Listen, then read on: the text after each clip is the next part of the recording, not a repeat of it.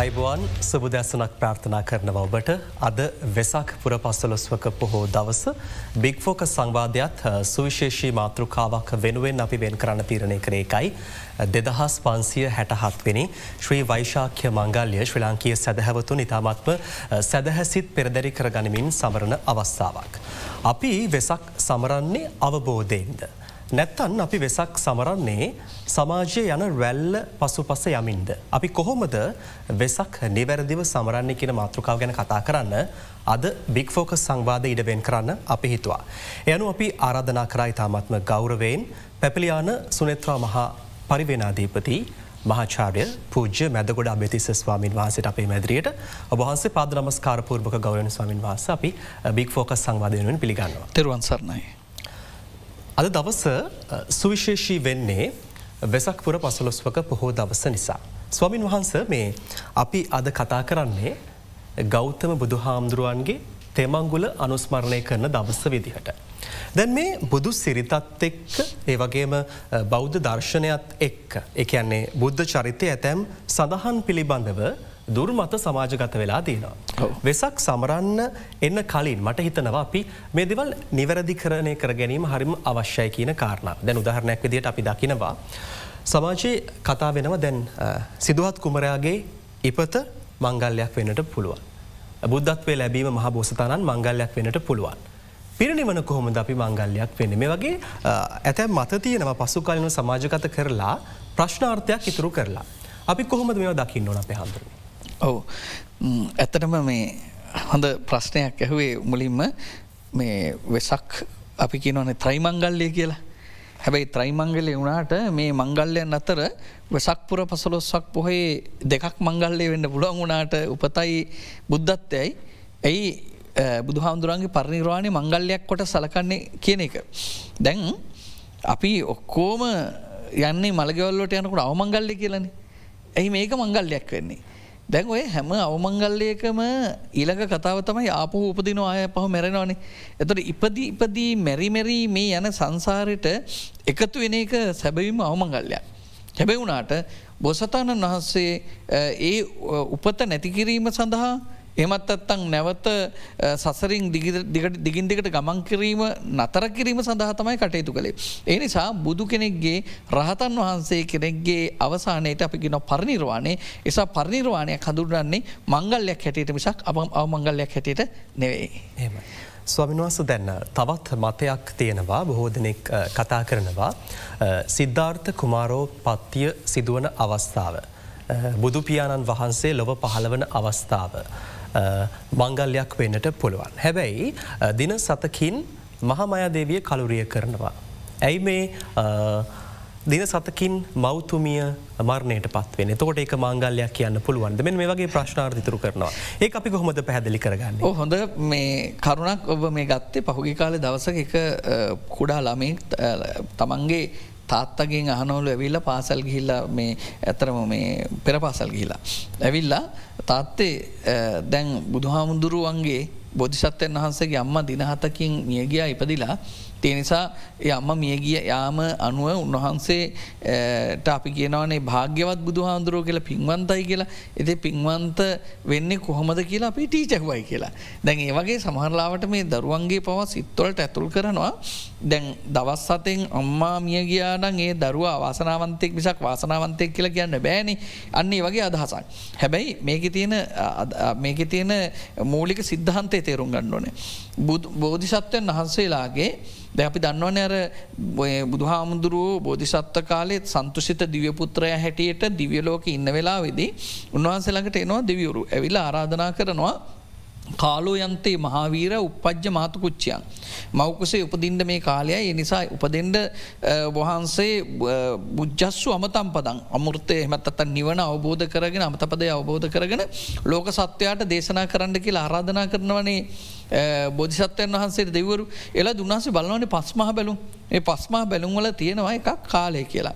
එද කාලය කියලා කියන එකේ තේරුම තමයි අවුදු ලක්ෂකට වඩා මිනිශායශ වැඩිනම් සියට වඩ අඩුනම් බුදු කෙනෙ පහලුවේ නැදීපේ දේශය කොලේ මව කියන සාධකය දැ අපිට මෙතන කතා කරන්න.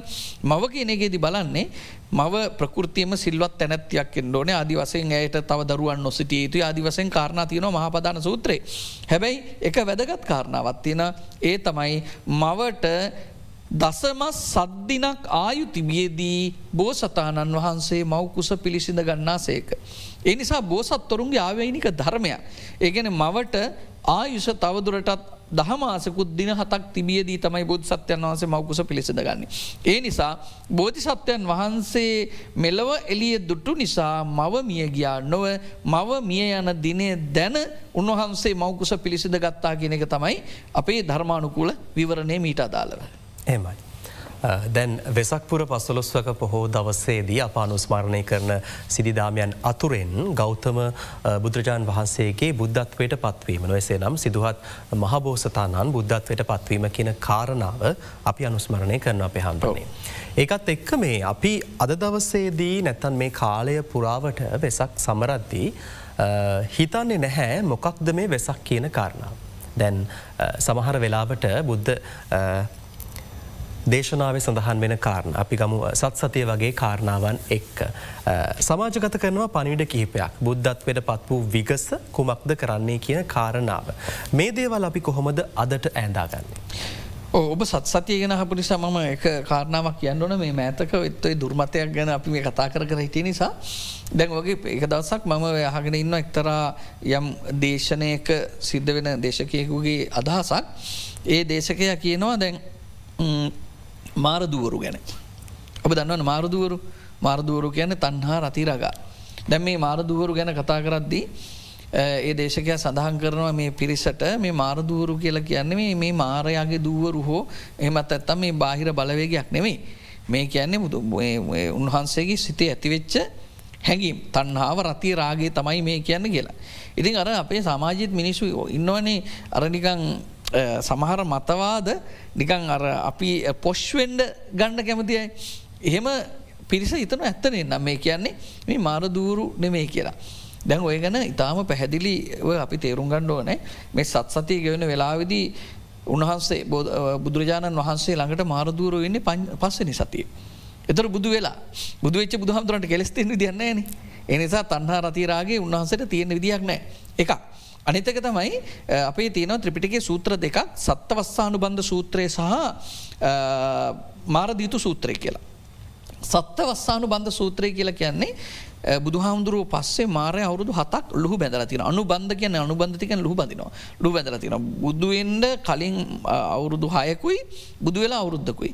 ඒකදී ඔය මාරයාගේ අන්තිම අවුරුද්දේ සිද්ධියක් හැටියට තමයි වාර්තා වෙන්නේ ඒ මාර දූවරු එවපු එක. ඒවගේම තමයි අර මාර දීතු සූත්‍රය තියෙන මාරයා බුදු හාමුදුරුවන්ග තමන්ගේ ග්‍රහණයට ගණඩ ගිහිලා අසාර්ථක වෙලා ඉන්න වෙලා වෙදි. මාර දුවරු ඇවිල්ල තාත්තකින් හනවා තාත්තේ ඔබ මොකද මේ නිකං දුර්මුකව ඉන්නේ. අසාර්ථක වෙලා වගේ ඉන්නේ. දුකෙන්. ඒවෙලාද මාරය තමන්ගේ දුවරුන්ට පැහැදිලි කරහම මෙහෙමයි මම මේ ශ්‍රමණ බවත් ගෞතමය මගේ ග්‍රහණයට හසු කරගන්න හැදව නමුත් ඒක කරගණඩ බෙරුණා කියලා කියද්දි. ඒ දුවරු තමයි බුදු හාමුදුරු ඉසරට ගිල නර්තනය දාන්නේ. නටන්නේ හැබයි බුදුහාමුදුරු මේකට අහුවෙන්නේ නෑන මොකද කෙස් නෑන අන්තිමට ඒ අය කියලා තාත්තයට කියලා කියන ඔබගේ කියමන හරි බුදුහාමුදුරුව එලෙස අපිට හරවගණඩ බෑ කියලා. එතකට මෙතන චතමනත් තියෙන්නේ ඇත්තටම මම දන්නේ මේ මාරයාගේ දුව රුද නැත්තන් දැ මාර දූලත්ති නො දූල මාරත් ඉන්නවනේ. සමහර දුලමාරයිනේ. හැ මාර දූල නොනට දුලමාර වෙන්න පුළුවන්. ඉතිේ නිසා මාරදූවරු හර ඒ දූලමාර හරි මන්දන්නේ කොහොමරිකමන්නේ මේ ඇවිල්ල තියෙන්නේ උන්වහන්සගේ සිතේ සිතු ඉලක්නේ බාහිර බලවේග. ඒක මාරයාගේ දූල වෙන්නක් පුළ නැත්තං යම් ආකාරයක ඔය ආසන්න ප්‍රදේශයක ඉන්න තරුණියෝ තුන් දෙනෙක් වෙන්නත් පුළුවන්. කෙසේ හෝ වේ මොකද තරුණියන්ට අරුඩ ළමාරයට එන්න පුළුවන්නේ කෙසේ හෝ වේවා මේ කියන කාරණවත් එක අපිට පැහැදිලි වෙන්නේ උන්වහන්සේ ඒ වෙනකොට මාරදුවරු කියලා පරාජය කරලා තියන්නේ සිතුවිලි නෙමේ බාහිරෙන් ආපු බලවේගේකට මතත බාහිර යම් ආකාරයක එබඳු පෙළඹවීමකට හසුනොවී සිටීමක් හැටියට තමයි මේ පස්සනි සතිය නිසා බුද්ධත්තේ අපි මේක තේරුම් ගත යුත්තේ. ඒවගේ මතම බුදුරජාණන් වහන්සේගෙන අපි දන්නවා උන්වහන්සේ බුද්ධත්වයට පත්වෙලා සති හතක් ගෙවල ඊට පස්සනේ ප්‍රථම ධර්මදේශනාව සඳහා උන්වහස වැඩම කරන්න දේ එතනදිත් උන්වහන්සේ ධර්මදේශනාව සඳහා අපොස්සුක්කතායි චිත්තක් නමති. බුදුහන්දුරට අල්පෝත්සුක බවට තමයි හිත නැවෙන්නේ. බණ කියන්න උන්වහන්සේට උද්‍යෝගයක් එන්නේ නෑ. ඇයිඒ. උන්වහස කල්පනා කරනවා මේ ලෝකේ අන්දකාරෙන් අවිද්‍ය අන්දකාරයෙන් වැහිලා තියෙන්නේ. ඒ නිසා මේ අන්දකාරයෙන් වැහිච්ච ලෝකය මේ ධර්මය දේශනා කරන්න ගියොත් සෝයව මමස්ස විහේසා. මට වෙහෙසක් විතරයි මේ ධර්ම දේශනාවෙන් වෙන්නේ. ඒ නිසා උන්වහන්සේ කල්පනා කරනවා මේ පටිසෝතගාමින් නිපුණං ගම්බීරං දුද්ධසං අනු මේ දහම පටිසෝතගාමී ඒකන උඩුගම් බලා යන දහම මේක මේ සාමාන්‍ය ගලන පැත්ත නෙේ අනි පැත්ත නෙයි සසර පැත්ත නෙේ නිවන පැත්ත යන්නේ පටිසෝතගාමින් නිපුණා මේක සියුම් එකක් ගම්බීරම් එක ගැඹුරු එකක් දුද්ධසන් දකි නමාරු එකක්. ඒ නිසා රාග රත්තාන දක්කින්ති තමොක් කන්දේ නාවට මේ රාගයෙන් පිරිච්ච සත්වයට මේ ධර්මය තේරුන්ග නමාරුයි කියලා බුදුහන්දුරුව කල්පනා කරන කොට උන්වහන්සේ ළඟට එනවා සහම්පති මහ බ්‍රහ්මය. මහ බ්‍රහ්ම ඇවිල උන්වහන්සේට සඳහන් කරනවා නස්සති වත බෝලෝකෝ විනස්සති වත බෝලෝකෝ. ස්වාමීනි ලෝකෙ නැසෙන්ට විනාසය වෙන්න පුළුවන් ඔබහන්සේ මේ ධර්මය දේශනා කළේ නැත්තම්. ස්වාමීනි දිස්සන්ති ලෝකේ අප රජක්ක ජාතිකා. කෙලෙස් අඩුවයත් මේ ලෝක ඉන්නවා. ඒ කෙලෙස් අඩු අයටත් ඔබහන්ස මේ ධර්මය දේශනා කළේ නැත්තම් මොකද වෙන්නේ තේපි පරිහායන්ති ඒගොලොත් පිරිලා යන්න පුළුව එකන බුදු හාමුදුරන්ගෙන් ධර්මය හලා විමුක්තිය සලසාගන්න ඔක්කොටම් බැරුණාට මේකෙන් ප්‍රෝජනගන්න පුළුව යම් පිරිසක් කරන්නවා ඒ පිරිසට හරි ධර්මය දේශනා කරන්න කියලා බුදු හන්දුරන්ට දේශනා කළේ ඇත්තන බුදු හාමුදුරුව මේ ලෝක තත්වය වෙත ධර්මය දේශනා කරට මේ දේශනා කරන ධර්මය හරියටර මේක උදාහරණකින් කියන්නේ පියුම් විලක් තියෙනවා. පියුම් විලක දියෙන් මතු පිට ඇවිල්ලා පිපෙන්ඩ සූදානම් නෙළුමකට මිසක් සූරයාලෝකෙන් ප්‍රෝජනයක් වෙන්නේ වතුර යට තියෙන නෙළුම්මල්ලට සූරයාලෝකය වැටුනට පිපෙන්නේනේ හැබැ වුණට ඒවට උදව්වෙන උටටෙන්ට. උඩට ඇවිල්ලා මත්තු පිපෙන්න්න තත්වට පත්තෙන්ට හේතුවෙනවා. ඒකන අපි මෛත්‍රී පුහාරගෙන දිය බලන්නේ එක අඩුගන මේ බුදුහන්දරගේ බයින මේ සූරයගේ බයින ඊලක සූරයගෙන් හරි කියලා. දෙනිස පිච්චරතුරට හිතන් ඕන්න පුළුවන් මේ සූරයාගේම පිපෙන්ට බලන්ඩෝන හැබයි මේ සූරයාගෙන් පිපෙන්ඩ අවශ්‍ය මට්ටමට අන්තෝ නිමුග්ග පෝසිනී කියලා තියෙන්නේ. දියට අවශ්‍ය කරන පෝෂණය ලබල නැත්තම් පිපෙන්ඩ අවශ්‍ය මතු පිට ඇවිල්ල නැත්තන් අපිට මෛත්‍රී බුදුහාරු දිහාවත් බලන්ඩුවේ නැත්තමකද අතීතෙත් බුදුරු තව විසියටනමක් පහු කරන්න ඇහිලති නොන ඒ නිසා බුදුහාමුදුරුව ධර්මය දේශනා කරන්න අල්පෝත්සුක වුණේ අන්නර කාරණාවෙන්සයි මොකක් නිසාද? මේ සමාජයේ තිබිච වෙච්ච තත්වේ ඒවගේම තමයි බුදු කෙනෙක් ආරාධනාවක් පිට ධර්මය දේශනා කරන්න යන එක බුදුවරුන්ගේ ආවේනික ධර්මයක්. එහෙමයි. ස්වාමින් වහන්ස දැන් අපි සාකච්ඡාවේ මුල් අධීර යොමු කරන්න මේ පවතින වැරදි මතවාද කියන කාරණාවට තිස් පස්වනි වේදි සම්මා සම්බුධ අතට පත් වූ මේ අමාමෑනි තතාගතයන් වහන්සේ ලෝකයට ධර්මය දේශනා කරනවා. සමුද්ධ භාෂිතය. තැන් මේ වෙද්දී අපි ක්‍රියා කරන අවස්ථාවලදී සමහර වෙලාවට ඒ ඒ පාර්ශ්වයන් සමාජගත කරන මතවාදත් එක් නැත්තම් ධර්මය ප්‍රචාරය කරන පිරිස් ගෙනයන විවිධ වැරදි මතවාදත් එක්. සමහර වෙලාවට ජනතාව පවා කියවා ගන්නවා මේ සබුද්ධ භාෂිතය ආගමක්ද දර්ශනයක්ද. මොකක්ද කියන වැරදි මතයකින්දගෙන වෙසක් සපරණ අවස්ථාවත් තින්නවා. ඇත්තටම අපි මේක කියවා ගන්න ඕනේ කොහොමද. බුදුරජාණන් වහන්සේගේ දේශනාව ගත්තොත්තෙම දර්ශනයක්නේ. බුදුහාමුදුරුවෝ දැන් ආගම් ඇති ලෝකයකට තවත් ආගමක් හඳුන්න දුන්න නෙමේ මොකද ආගම්වල තියෙන ලක්ෂණ ඇති ආගම්වල තියෙන මෙවුම් කාරයකින්නවා. දැ බුදුහන්දුරුව පහලවෙනකොට ඔය ක්‍රස්තියානී සහ ඉස්ලාම් ආගම් තිබෙනෑන නැත්ත බුදුහන්දුරුවවට උත්තර දෙන්න තිබා ඒව තිබෙනෑ. එතකට ඇත්තටම ඒවා පසුකාලීන ආගම්. එතර බුදුහාරුව පහල වෙනකොට තිබුණේ ඔය හින්දු දහම. එමතත්තන් ඔය බ්‍රහ්මණ දහම. එතට ඒගොල්ලන්ගේ මූලික සංකල්පය තමයි මෙවුම් කාර බලවේගයක් තියෙනවා. ඉතින් ඒක ඒක මහබ්‍රහ්මයක් කිවත් ඒක දෙවියන් වහන්ස කිවත් ඒක අල්ලාද විදුන් කිවත් කොමගොත් මෙවුම්කාර බලවගෙන බුදුහන මෙවුම්කාර බලවගේ ප්‍රතික්ෂේප කරනවා. ඒවගේම තමයි ගැලවුම් කාරෙක් ගැන කතා කරන යාගම්වල ගැලවුම් කාරෙක්කින්නවා. එතකොට ඒ දැ හින්දු දහමේ ගත්තොත් එහෙම මහා බ්‍රහ්මයා තමයි බ්‍රහ්ම කල්විදං සත්‍යම්නේ මේ සමස්තේම ඉහළම බලවේගේ තමයි බ්‍රහ්ම. එතොට අන්තර බ්‍රහ්ම සහවිතාවට අන්ඩෝනේ ඔහුගේ ගලවා ගැනීම හැබැයි බුදු දහමට අනුව එම ගලවා ගැනීම ගන්නෙක් නෑ. ඒවගේ තම ආගම්වල තියෙනවා පව් සමා කිරීමක් තියෙනවා. බුදු දමට අනු පව් සමා කිරීමකුත් නෑ. එහම කිවවාම චතුර මහත්තයට හිතන ඇති එනම් කායනවාචා චිත්තයන පමාදේ නමය කතන් අච්චයන්කම් මේ බන්තේ බුරි පඥ තතාගත කියලා අපි ගැන්නේ සමාවෙන්න කියලන්නේ. එතන පවුනේ මේ පුතේ තියෙන්නේ. එතන තියෙන්නේ වැරදි සමා කරන්නේ. දපිතම ඔයා දැන් අච්චන් කියන වචන නතින් අච්චය කියන වචනය තේරුම වැරද්ද කියන එකයි. එතකොට දැන් ඔයා වැරද්දක් කරනවා ඔයාගේ අම්මාගේ හිතර දෙන දෙයක් වා කරනවා. එමුණොත් පවසිත් දෙනවනේ අම්මලකට කියලගෙන අම්මේ මට සමාවෙන්න කියෙන අම්ම සමාව දෙන්න ඇද දෙනවා. හැබැ අම්ම සම අමට සමාව දෙන්න පුළොන්ගේ වැරද්දට හැබැයි වුණට ඔයා කරගත්තු පව ඒකෙන් ඉවරවෙන්න නෑන අම්ම වාටමන් සමාව දෙන්න කිවට වාකරපු වැරද්දේ විදිිය වැරද්දට සමාව ලැබෙනවා පවට සමාවක් ලැබෙන්නේ නෑ. එනිසා බුදුදහමත් එක ගත්තන් පස පව් සමා කිරීමකුත් නෑ එතකට බලන්න මැවුම්කාරෙක් නෑ ගැලවුම්කාරෙක් නෑ පව් සමා කරන්න බෑ බුදුහන්දුර දේශනා කරන්නේ තුම්හෙහි ගිච්චංගා තප්පන් අක්කා තාරු තතාගතා. තතාගතයන් වහන්සේ කියලා කියන මාර්ගදේශකෙක් විතරයි එමග ගමන් කරලා විමුක්තිය සලසා ගැනීම තමන්ට අයිතිකාරයක්. අත්ත දීපා විහරත භික්කවේ අත්ත සරණ නාඥ සරණක් සමස්ත ආගම් ලෝකයේ තියෙන මූලයටම තමයි මේ බුදු හමුදුරුව පහරෙල්ල කලා තියෙන අත්ත දීපා විහරත. තමන් තමාගේ පහන ආලෝකය ගැලවුම්කරුවා බවට පත්වෙන්න නාඥ සරණ වෙන කිසිම කෙනෙකුගෙන් පිළිසරණක් නෑ මොකද හේතුව තමන්ගේ තමාගේ ක්‍රියාවලිය තමා තුළින්මයි තමන්ට විමුක්තිය සලසාගන්න පුළුවන් වෙන්න. කොටින්ම මේකද සඳහන් කරන දැ පච්චත්තන් වේදි තබ්බෝ විඤ්ඥූහි කියන වචනය ඇත විග්‍රහයක් දෙන අටුවාව කියනවා. පච්චත්තන් වේති තබ්බෝ මේක තම තමා විසින් දැනගත යුතු දහමක් කියනවන. එත ඒකින් කියන්නේ අවබෝධය තමා සතුයි අවබෝධ කරගන්න ඕන. තමන් ගුරුවරය භාවනා කරලා ගෝලයට නිවන් හම්බෙන්න්නෙත් නෑ. ගෝලය භාවනා කරුව කියලා ගුරුවරයට නිවන් හම්බෙන්න්නෙත් ඒ නිසා මේක තනිකර පෞද්ගලික විමුක්තියක්. ඉතිේ නිසා බුදු දහම කතා කරන කරන්නේම දර්ශනයක්. ඒකර ආගම්වල තියෙන ලක්ෂණ සියල්ලෙම්ම විනිර්මුක්තයි. ඒ නිසා ලෝකේ ආගම්වලින් තොර යම්කිසි අවස්ථාවක් දැන් දැ නිරාගමික සංකල්පයකුත් තිරන මේ මෑතකත්වය සමහර තරුණ පිරිසේ මැවිල මේ ආගම් වලට ආගම් එපා කියන තැනටාවන මමත් ඒකට කැමති. මොකද හේතුව මේ ආගම් වලින් මේ ලෝකයට කරපු හානි හොඳට මැති.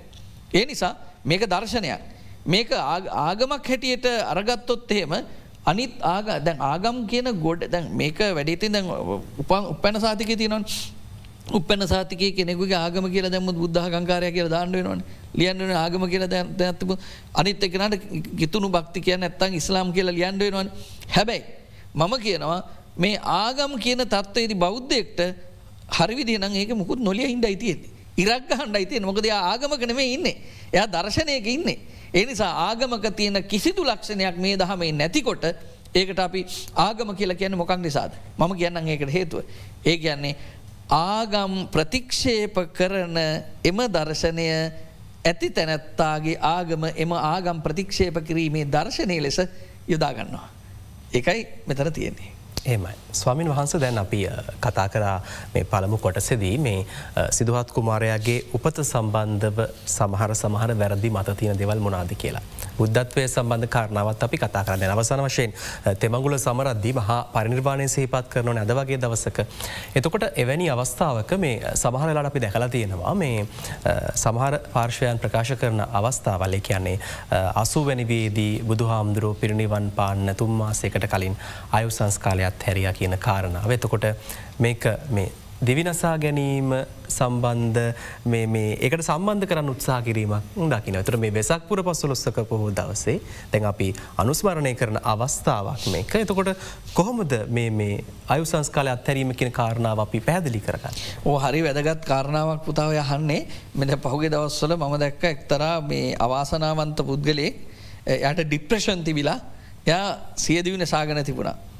ඉති ඒක මොනාද ජනමාධ්‍යවල විශේෂයෙන් මේ මොනවද ෆෙස්බුක් වගේ මාධ්‍යවල ගිය සමාජ මාධ්‍යවල.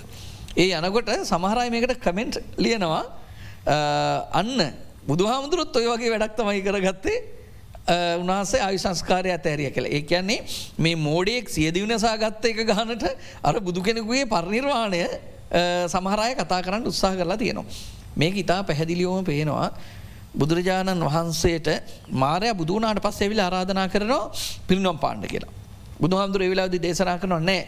මගේ මේ ධර්මය දේශනා කරලා මං ශාසනය පිහිටවල ප්‍රතිබල සම්පන්න පිරිසක් මේ ශාසනය ඉස්සරට අරයන්ට හදර තමයි මං පින්නුවම් පාන්න කියල.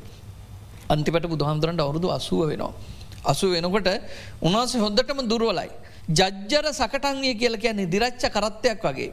වේට මිස්සකේ යාපෙන් හරිටිකන් පටියකට තියලා ගැටගහලාරනික කරත්තයක් නඩත්තු කරනවාගේ තමයි නඩත්තු කරන්නේ.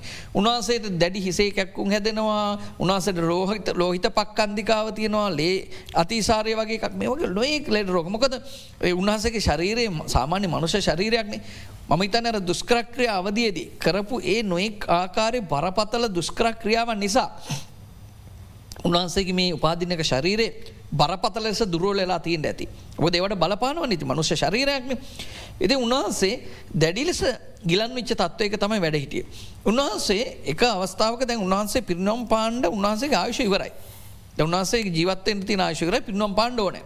ඒ වෙලා වෙදි ආනන්ද හාමුදුරුවන්ට සඳහන් කරනවා ආනන්ද තතාගතයන් වහන්සේ කෙනෙකුට පුළුවන් තමන් වහන්සේගේ ඉර්දි බලයෙන්. උන්වහන්සේගේ තතාගත බලය බුද්ධ බලය යොදාගෙන උන්වහන්සේට ඒගැන්නේ සතර ඉර්දි පාද වැඩපු උත්තුමෙකුට පුළුවන්කම තියෙනවා ආයුෂ්කල්පයක් ජීවත්වෙන්න කියෙන. ඒ ආයිස්කල්ප ජීවත්වන්න පුළුවන් කියල බුදු හාමුදුරුවකිවට ආනන්ද හාමුදුරන්ට එවනට මාරාවේශයක් ඇති කරලා තිබුණ. එනිසා ආනන්ද හාමුදුරුව එක ඉල්ලන්නේ නෑ. දෙවැනි තෙවනි වතාවටත් බුදු හාමුදුරුවෝ මේ මේකට කියන්නේ ඕලාරිකේ නිමිත්තේ කෛරමානය. උන්වහන්සේට උන්වහන්සේ ආනන්ද හාමුදුරන්ට මේක පැහැදිලිව මේ නිමිත්තක් දැක්වා මට තවත් ජීවත්වන්න පුළුවන් කියලා. හැබැ ආනන්ද හාමුදුරන්ට ඒක නොවසන මට්ටමට උන්වහන්සේගේ සිතට යම් ආකාරක මාර බලවේගයක් විසින් බලපෑ මැති කරලා තිබුණ මොකද බුදු කෙනෙක් ලෝක පවතිනොට වද බුදු කෙනෙක් ලෝකින් යනක මේ අධර්මිෂ්ට බලවේගොලට හොඳයි. ඒ නිසා ඒක බුදු හාමුදුරන්ගේ ඉල්ලීම් කරේ නෑ. යනෝ බුදුරජාණන් වහන්සේ අර තමන් වහන්සේ සතර ඉර්දි පාද වලින් එකන ඉර්දිපාද වේටනයෙන් වෙලාගෙන තමන් වහන්සේ තවදුරට ජීවත්තෙන් අධිෂ්ඨාන කළේ නෑ. ඒක තේරුම බුදු හාමුදුරුව පිරිනුවම් පාණ්ඩ හිටිය දවසම පිරිනුව පැව කෙනකයි. බුදුහන්දුර පිරිනුවම් පාණ්ඩ හිටිය දවසෙම පිරිනුවම් පෑවා ඊට වඩා උන්වන්සේ වැඩිකර ගන්න කටයුතු කළේ නෑ කියන එකයි. එනිසා වැඩිකර ගණඩ කටයුතු කළේ නෑ කියන එක දැන් අපිතම දැන් ඔයාට රාජකාරි කරලා මේ ආයතන යම් දවසක යට විශ්‍රාමයන්ට තියනවා කියන්නක. විශ්‍රාමයන්ට තියෙන දවසටට එක්ස්ටේෂන් ඉල්ලන්න පුළුවන්නේ. හැබැයි බුදු හාමුදුර එක්ස්ටේෂන් ඉල්ලුවනෑ. උන්වහන්සේ ඒ අදාළ ස්වභාවිකෝ උන්වහන්සේ පිරුණම් පැව. එනිසා උන්වහන්සේගේ ස්වභාවික ජීවිතය අවසං වෙන ඕකට කියන ජීවිතින්ද්‍රය කියලා. අපේ මනසට අයිත ජීවිතින්ද්‍රයක් තින සබ්චිත්ත සාධාරණ චෛසිකවල තින පස්ස වේදනා සංඥා චේතනා ඒකගතා ජීවිතින්ද්‍රය මනසිකාර කියලා. ඒ ජීවිතින්ද්‍රිය අපිට යම්කිසි කාලයක් තින එතරින් එහට පවතින්නේ එයාගේ ජීවිත අවසංගන ජීවිත ඉන්ද්‍රිය කාලය අවසංගුණන් පසේ. අපේ කයට දාල ජීවිතන්ද්‍රයක් තින රූප විසියට ඇතුළේ එකට ගෙන ජීවිතන්ද්‍රිය රූපය කියලා. අට විසි රූපොල තින භූත පසාද විසිය භාව හදය මිච්චපි ජීවිත රූපය කියලා අන ජීවිත රූපය කියලා කියෙන ජීවිතන්ද්‍රිය රූපි. එනිසා කයේ කාලය අවසං වනත් ඒ මනසේ කාලය අවසං වනත් යා ජීවිතෙන් සමුගණ්ඩෝන. එනිසා බුදු හාමුදුරන්ගේ ජීවිත ජීවිතින්ද්‍රියස්ස උපච්චේදෝ ඒ ජීවිත ඉන්ද්‍රිය උපච්චේද උන්වහන්සේගේ ඔත්තෙන් ඇවිල්ල තිබ. ඒ නිසා උන්වහන්සේ ස්වභාවිකව පිරිනුවම් පානවා ඒ නිසා තමයි අර ආනන්ද හාන්දුර ඉල්ලෙන ඉල්ලුව නැතු නැ පස්සේ මාරයට කියන්නේ මාරය එහමනම් මම අදින් තුම්මාසකින් පස්ස පිරිනුවම් පාණ්ඩ නීමිතයි කියලා. එනිසා උන්වහන්සේ දන්නවා තමන් වහන්සේ පිරිනුවම් පාන දිනේ. එනිසා උන්වහන්සේ පිරිනුවන් පාන දිනේ දැනගෙන ඒ ප්‍රකාශයට පත් කලා විනා. බුදු අන්දුර පිරිනොම් පාණ්ඩ දිනයක් යොදාගෙන පරනිර්වාණය ස්වයංව සිද්ධ කරගත්තා කියන අර්ථයක් ඒක කොහෙත්ම ඇත්තනෑ. ඒමයි. වැරදි මත නොවෙසිනම් දුර්මත බොහෝමයක් නිරාකරණය කර ගනිමින් යන ගමනක අපින්න අපි යොමනෝ කෙටි විරාමයකට විරාමෙන් අනතුරුව යළි හමුවන බලාපොරොත්තුවෙන්.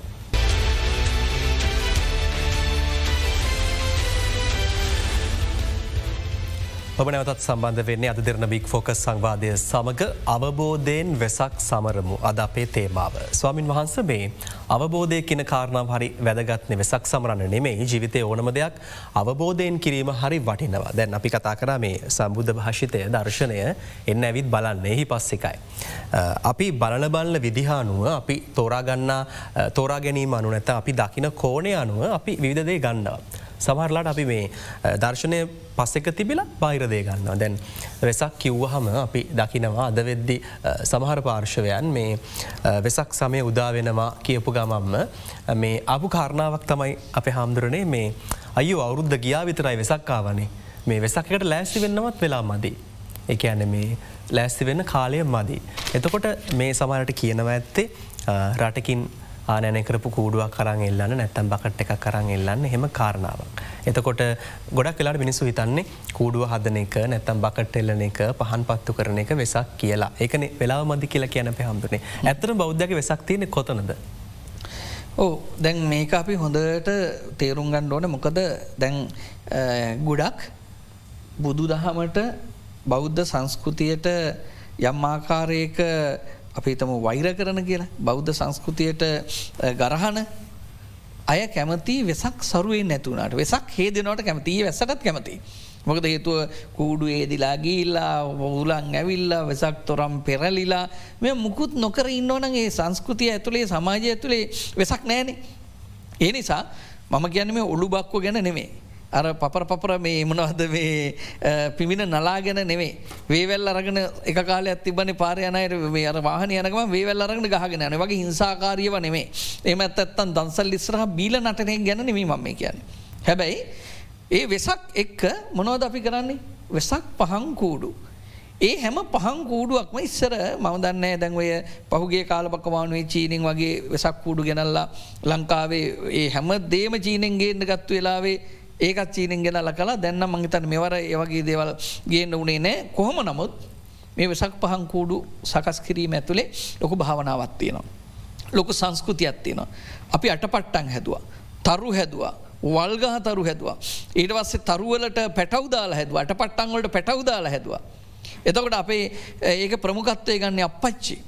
ඒවගේම තමයි අපේ අයිලා අපි අපි බලාගෙනට අයිල හදන දිහ. ඒ සංස්කෘති අපි අරගත් අපෙන් අපේ මල්ලිල ඉගෙන ගත්තා. ඒයට ගනිදේ මේ වෙසක්කූඩු ඇදීමත් එක බුද්ධාලම්මන පිරිතිය බුදු හාමුදුරුව අපිට ලං කලා.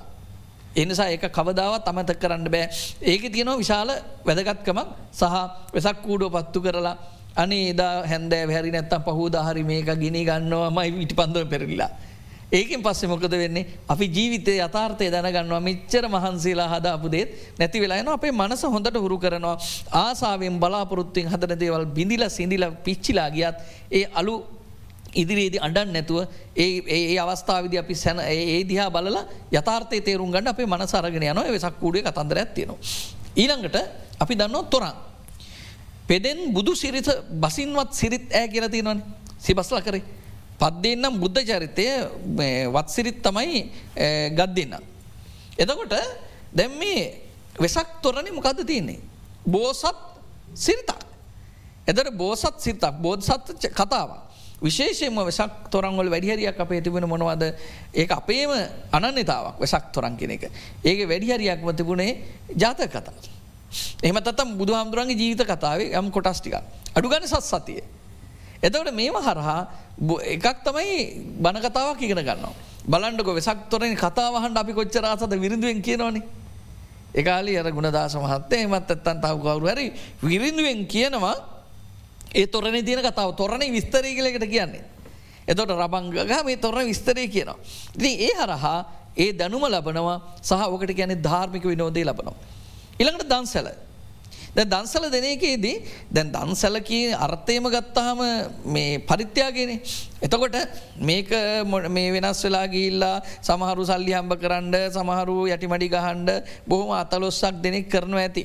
හැබැ වුණට ම දන්න එහෙම එක්කෙනෙක්වත් කරනවද කියලා. බොහොම කලාතුරකින් හෙම දෙවල් වෙන ඇතිව බොන්ඩ හෙමටික් ගන්නවන මිනිසු දන්සල සල්ලිකතු කරන හැබැයි වැඩි දෙනෙක් මේ ලංකාවේ දීම කියන ඒ මිනිස්සුන්ගේ තියෙන හදවතේ තියෙන අර මහා පරිත්‍යාගශීලි අදහස ක්‍රියාත්ම කරන්න අවස්ථාව මේ කොරෝන කාලෙත් මන්දක යිස්ක්‍රීන් දන්සල් දෙනවා. වෙසක්කාවම යිස්ක්‍රීන් දන්සල් දෙනවා. ඊලවස්සේ මේ මොනවද බද්ධන් සැල් දෙනවා. මිනිස්සුන්ටම විවිධාකාර දන්සැල් දෙනවා. එහට ගනිදි බලන්න පන්සල් ඇනයට දන්සල් දෙනවා ඊට වස් අපි කියන්නේ පන්සල් ගිල්ල දන්සල් වඳිනවා කියලනේ.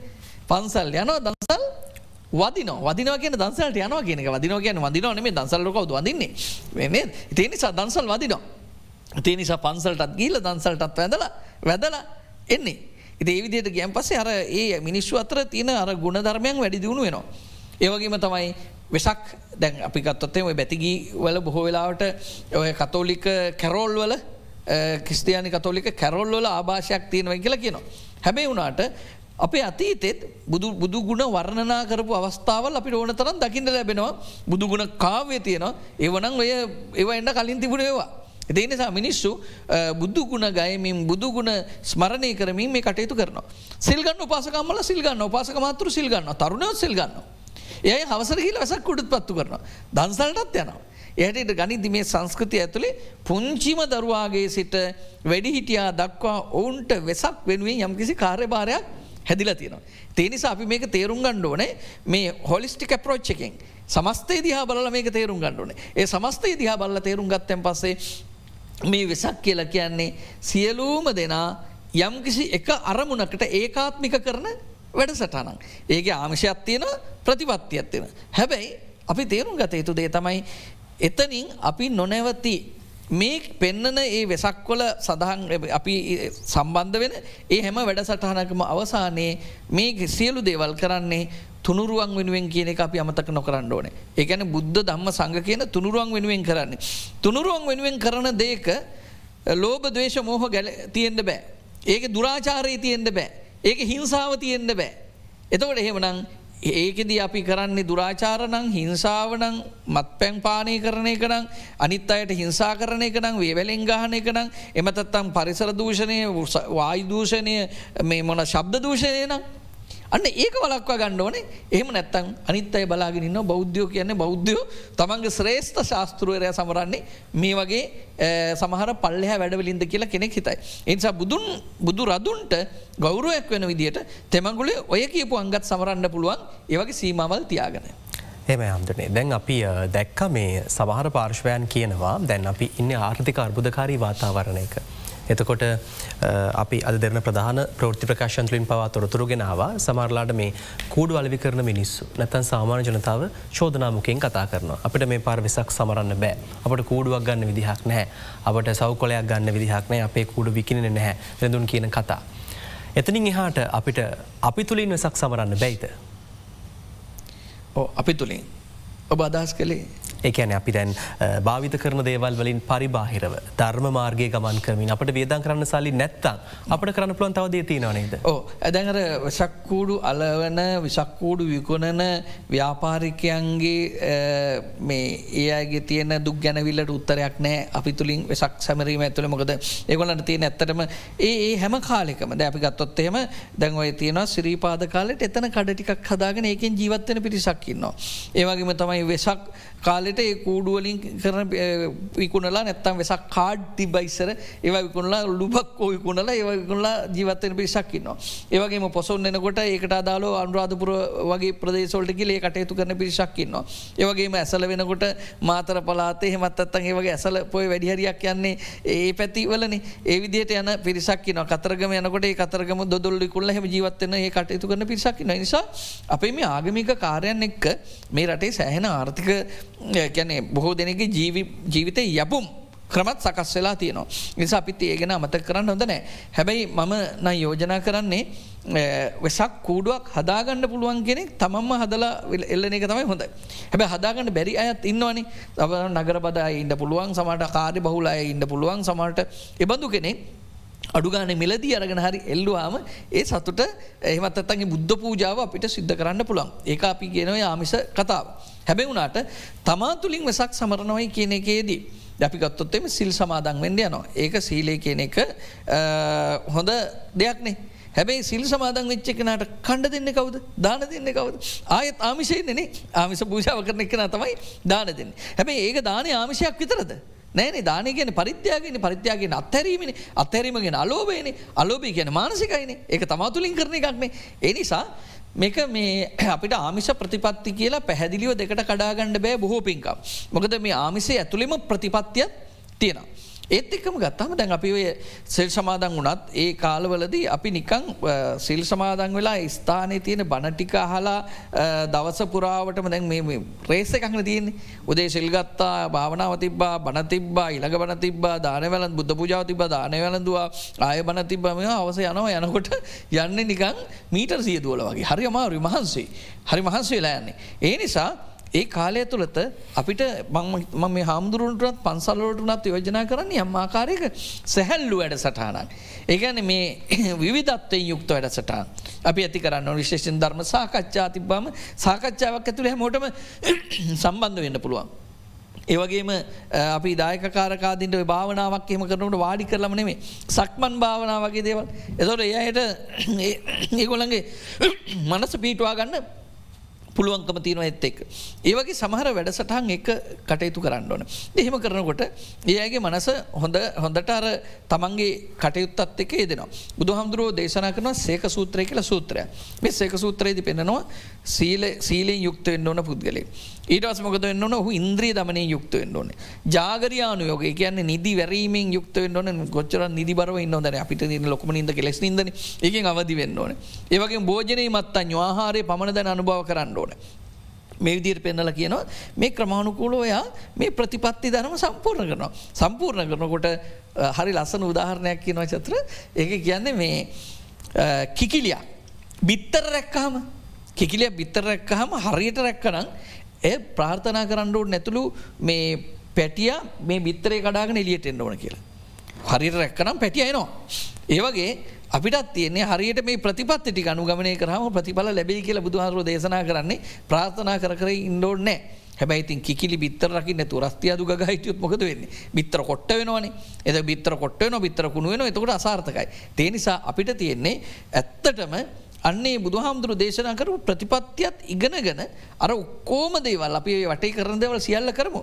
හැබැයි ඒ ප්‍රතිපත්තියත් එක්ක මේ ගමන අන්ඩ ඕනේ ඒ ප්‍රතිපත්තියත් එක ගියොත්තේම අපිට අනිවාර්යම අපපු චණ්ඩතාය කියලා තියෙන්නේ. කවදාවත් බිත්තර කුණුවෙන්නේ නෑ පිත්තර පැටියෙක් දක්වා ගමන් කරන හෙමත් ඇත්තං නිර්වාණය සාක්ෂාත් කරගන්න ඔහුට පුළුවන් කියලා තමයි බුදුහාරු පෙන්ඩල දෙන්නේ. ඒමයි. අවබෝධයෙන් වෙසක් සමරන්න ලොකු දේවල් ටිකක් අපට තව කතා කරන්න තියෙන මොකද සමහර අනවබෝධයෙන් කරන ක්‍රියා නිසා අවසානයේ හානීට පත් වෙන්නේ සමස්ත ශාසනයම කීර්තිනාමය නොයසේ නම් සසුනේ ගෞරවය. එනිසා තවදුරටත් සාකච්ඡා කරන බලාපොරොත්තුවෙන් අපි ලබාගන්නවා නැවතත් කෙටිවිරාටක්.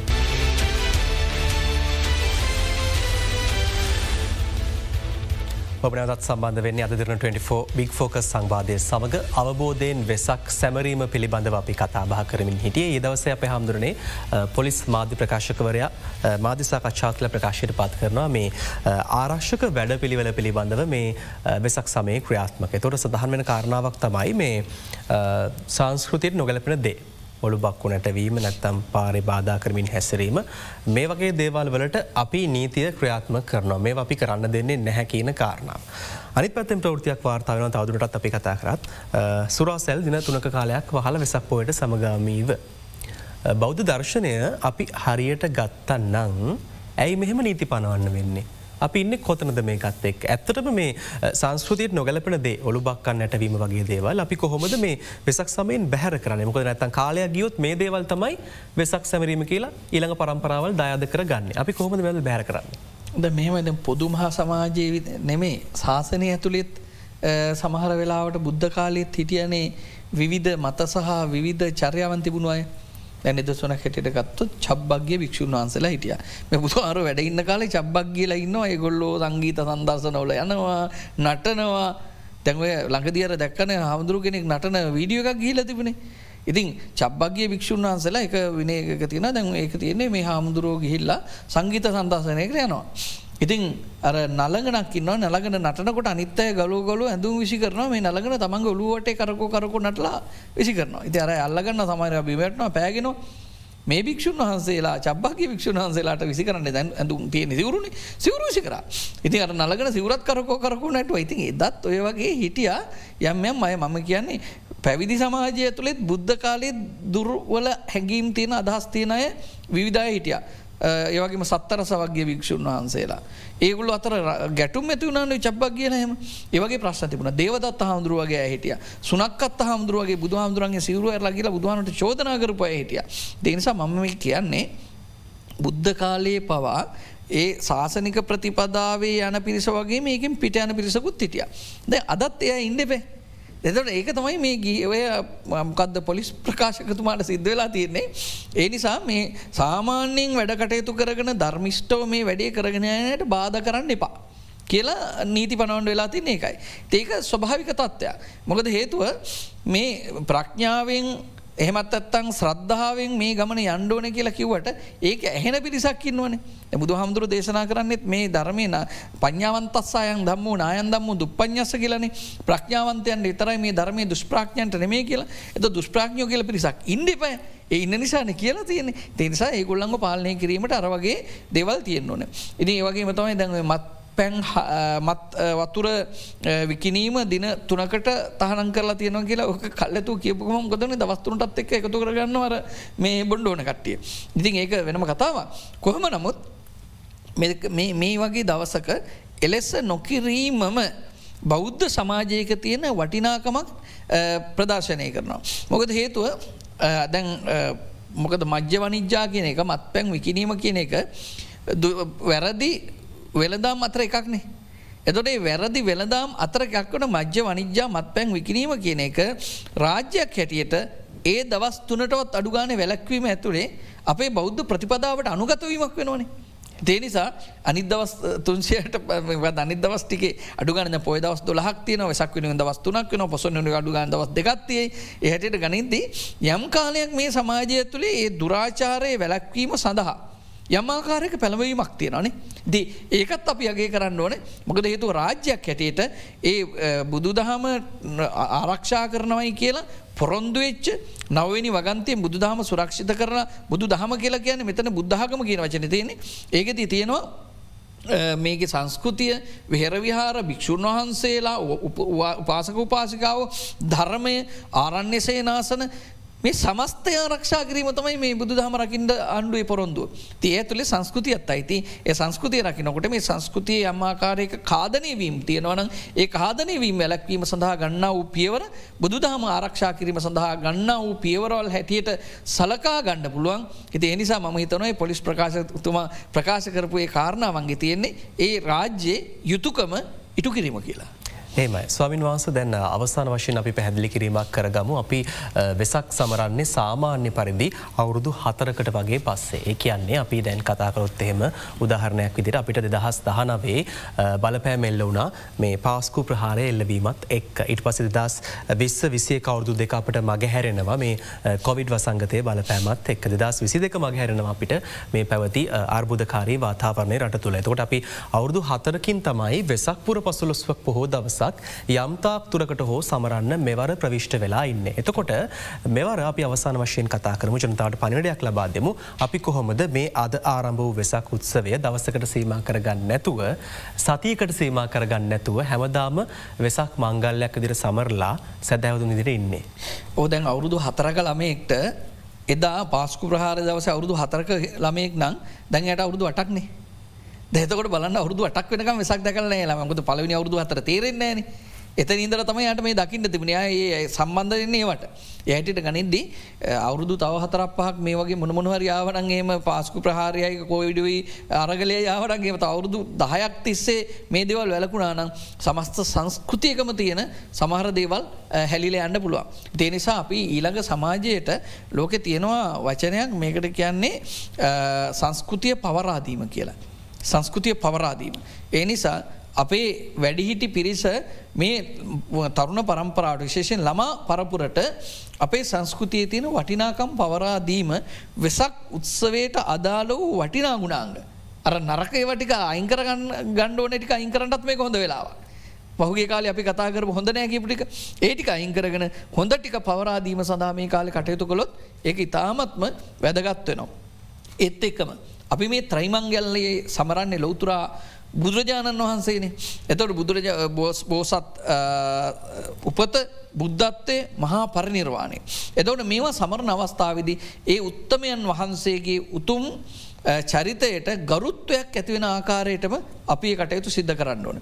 ඒ සඳහා කොච්චර දේවල අපිට කරන්න පුළුවන්ද මං ඔබ හැම දෙනාටම යෝජනා කරනවා.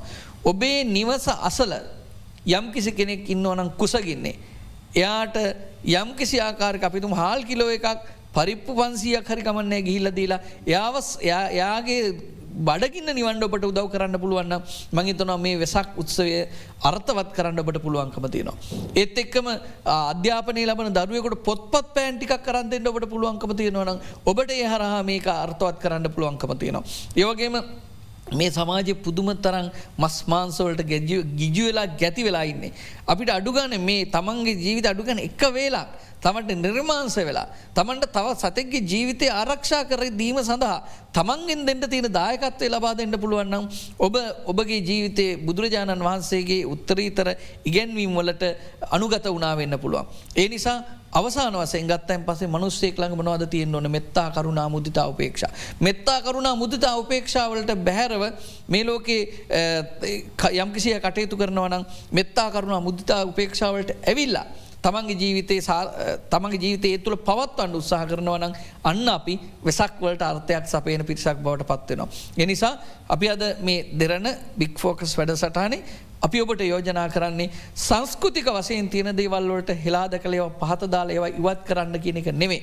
ඒ දේවල් කරමු අපි අපේ මූලික අර්ථය නොනසා කටයුතු කරන විදියට. ඒ මූලික අපේ තේමාව එමතත අපේ පිටකොන්ද බැක්බෝන් එක මේක තිය න්‍යස්ටිය ආරක්ෂා කරගෙන දහමේ තියෙන න්‍යස්ටි ආරක්ෂා කරගෙන ඕනේ අපි මේ කටයුතු කරන්න එහෙම කොළොත් අපිට අයිහලෞකික පාරලෞකික සංසාරික වසයෙන් එය යහපත් වන ආකාරයට අපේ ජීවිතවලට යොදා ගණ්ඩ පුළුවන්. වෙසඟ කියන එකයි මගේ අදහස. ඒමයි.